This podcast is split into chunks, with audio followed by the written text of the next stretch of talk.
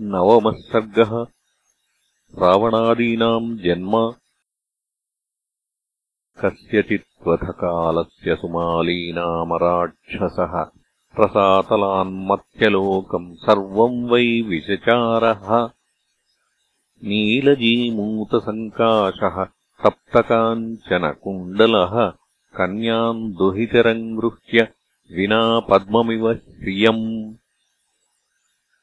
राक्षसेन्द्रः स तु तदा विचरन् वै महीतले। तदा पश्यत् स गच्छन्तम् पुष्पकेण धनेश्वरम्। गच्छन्तम् पितरम् द्रष्टुम् पुलस्त्यतनयम् विभुम्। तम् स्वच्छन्दम् तपनोपमम्। रसातलम् प्रविष्टः सन्मत्यलोकात् स विस्मयः इत्येवम् चिन्तयामास राक्षसानाम् महामतिः।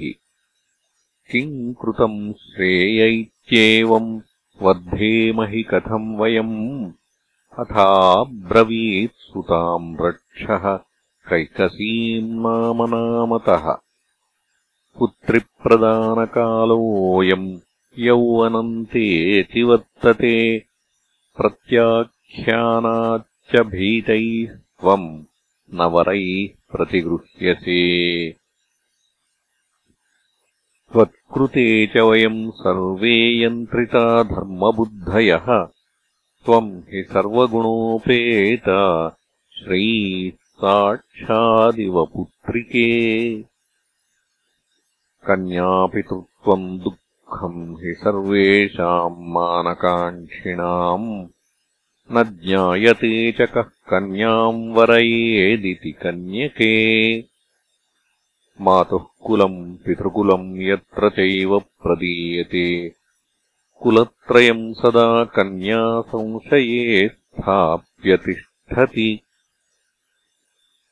सा त्वम् मुनिवरम् श्रेष्ठम् प्रजापतिकुलोद्भवम् भज विश्रवसम् पुत्रि पौलस्त्यम् वरय स्वयम्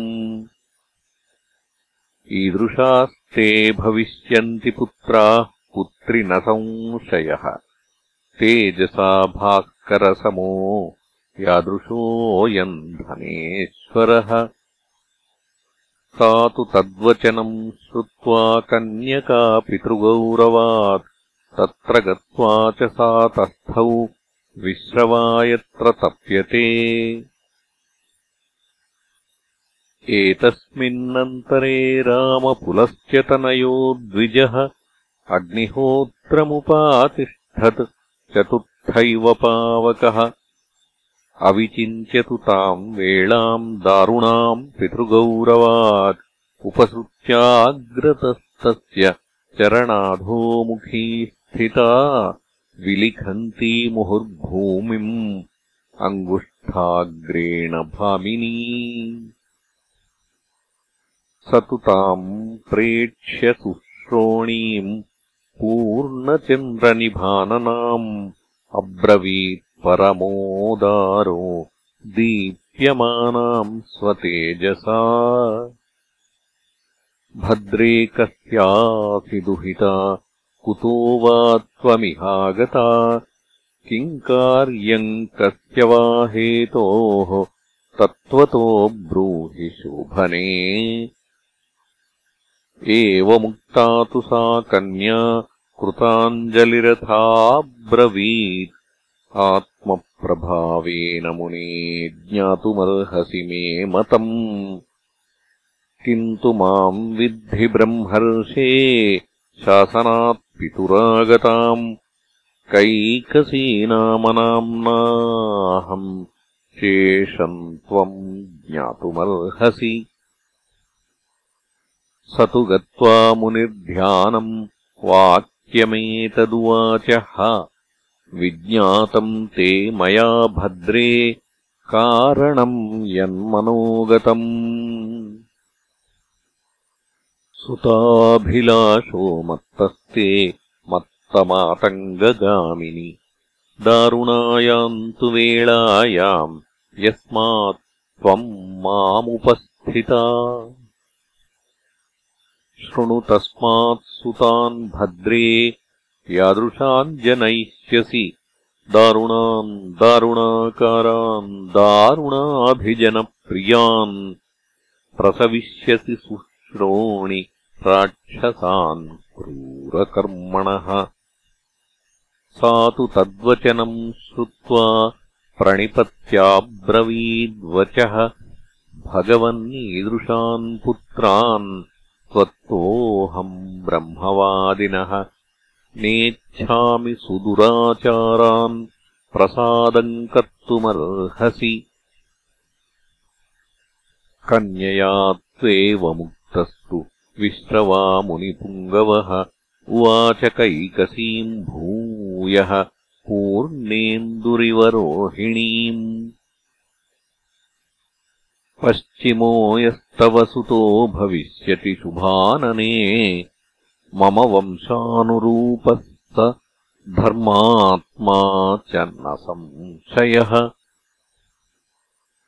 एवमुक्ता तु सा कन्या रामकालेन केनचित् जनयामास बीभत्सम् रक्षोरूपम् सुदारुणम्। दशग्रीवम् महादंष्ट्रम् नीलाञ्जनचयोपमम् ताम्रोष् विंशतिभुजम् महाह्यम् दीप्तमूर्धजम्।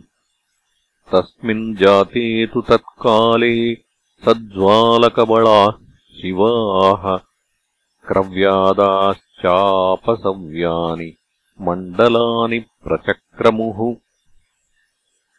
प्रवर्षरुधिरम् देवो मेघाश्च खरनिःस्वनाः प्रबभौ न च सूर्यो वै महोल्काश्चापतन् भुवि। चकम्पे जगती चैव ववुर्वाताः सुदारुणाः अक्षोभ्यः क्षुभितश्चैव समुद्रः पतिः। अथ नामाकरोत्तस्य पितामहसमः पिता दशग्रीवः प्रसूतोऽयम् दशग्रीवो भविष्यति। तस्य त्वनन्तरम् जातः कुम्भकर्णो महाबलः। प्रमाणाद्यस्य विपुलम् प्रमाणम् नेह विद्यते। ततः शूर्पणखानामसञ्जज्ञे विकृतानना विभीषणश्च धर्मात्मा कैकस्याः पश्चिमः सुतः। तस्मिन् जाते महासत्त्वे पुष्पवर्षम् पपातः नभस्थाने दुन्दुभयो देवानाम् प्राणदंस्तदा वाक्यम् चैवान्तरिक्षे च साधु साध्विति तत्तथा। तौ तु तत्र महारण्ये ववृधा ते महौजसौ कुम्भकर्णदशग्रीवौ लोकोद्वेगकरौ तदा कुम्भकर्णः प्रमत्तस्तु महर्षीन् धर्मवत्सलान् त्रैलो भक्षयन् नित्यासन्तुष्टो विचचारः। विभीषणस्तु धर्मात्मा नित्यम् धर्मे व्यवस्थितः स्वाध्यायनियताहार उवासविजितेन्द्रियः अथ वैश्रवणो देवः। तत्र कालेन केनचित् आगतः पितरम् द्रष्टुम् पुष्पकेण धनेश्वरः। तम् दृष्ट्वा कैकसी तत्र ज्वलन्तमिव तेजसा। आगम्य राक्षसी तत्र दशग्रीवमुवाचः। पुत्र वैश्रवणम् पश्य भ्रातरम् तेजसावृतम्। भ्रातृभावे समे चापि पश्यात्मानम् त्वमीदृशम् दशग्रीव तथा यत्नम् कुरुष्वामितविक्रम यथा त्वमसि मे पुत्र भववैश्रवणोपमः मातुस्तद्वचनम् श्रुत्वा दशग्रीवः प्रतापवान्। अमर्षमतुलम् लेभे प्रतिज्ञाम् चाकरोत्तदा सत्यन्ते प्रतिजानामि भ्रातुतुल्योऽधिकोऽपि वा भविष्याम्योजसा चैव सन्तापम् त्यज हृद्गतम् ततः तेनैव कोपेन सहानुजः चिकीर्षुर्दुष्करम् कर्म तपसे धृतमानसः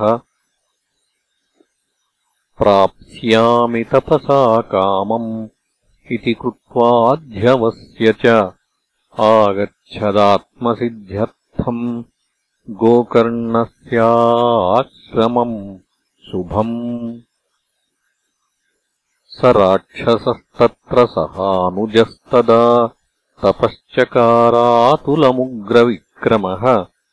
अतोषयच्चापि पितामहम् विभुम् ददौ स तुष्टश्च वरान् जयावहान्। इत्यार्षे श्रीमद् रामायणे वाल्मीकीये आदिकाव्ये उत्तरकाण्डे नवमः सर्गः